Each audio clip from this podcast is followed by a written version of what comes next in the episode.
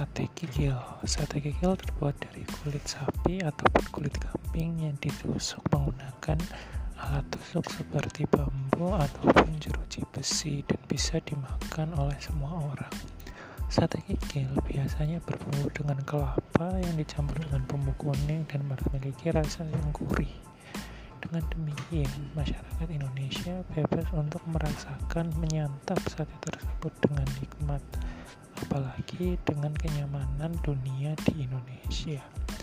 Alam Indonesia sangat bagus untuk menyiapkan dan memakan sate tersebut dengan hawa dinginnya dan juga dengan angin musim yang ada di Indonesia. Udara tropis di Indonesia sangat mendukung untuk makan sate, yang mana sate itu terasa nikmat, lezat, dan mantap. Dengan demikian, sate kikil adalah makanan Nusantara.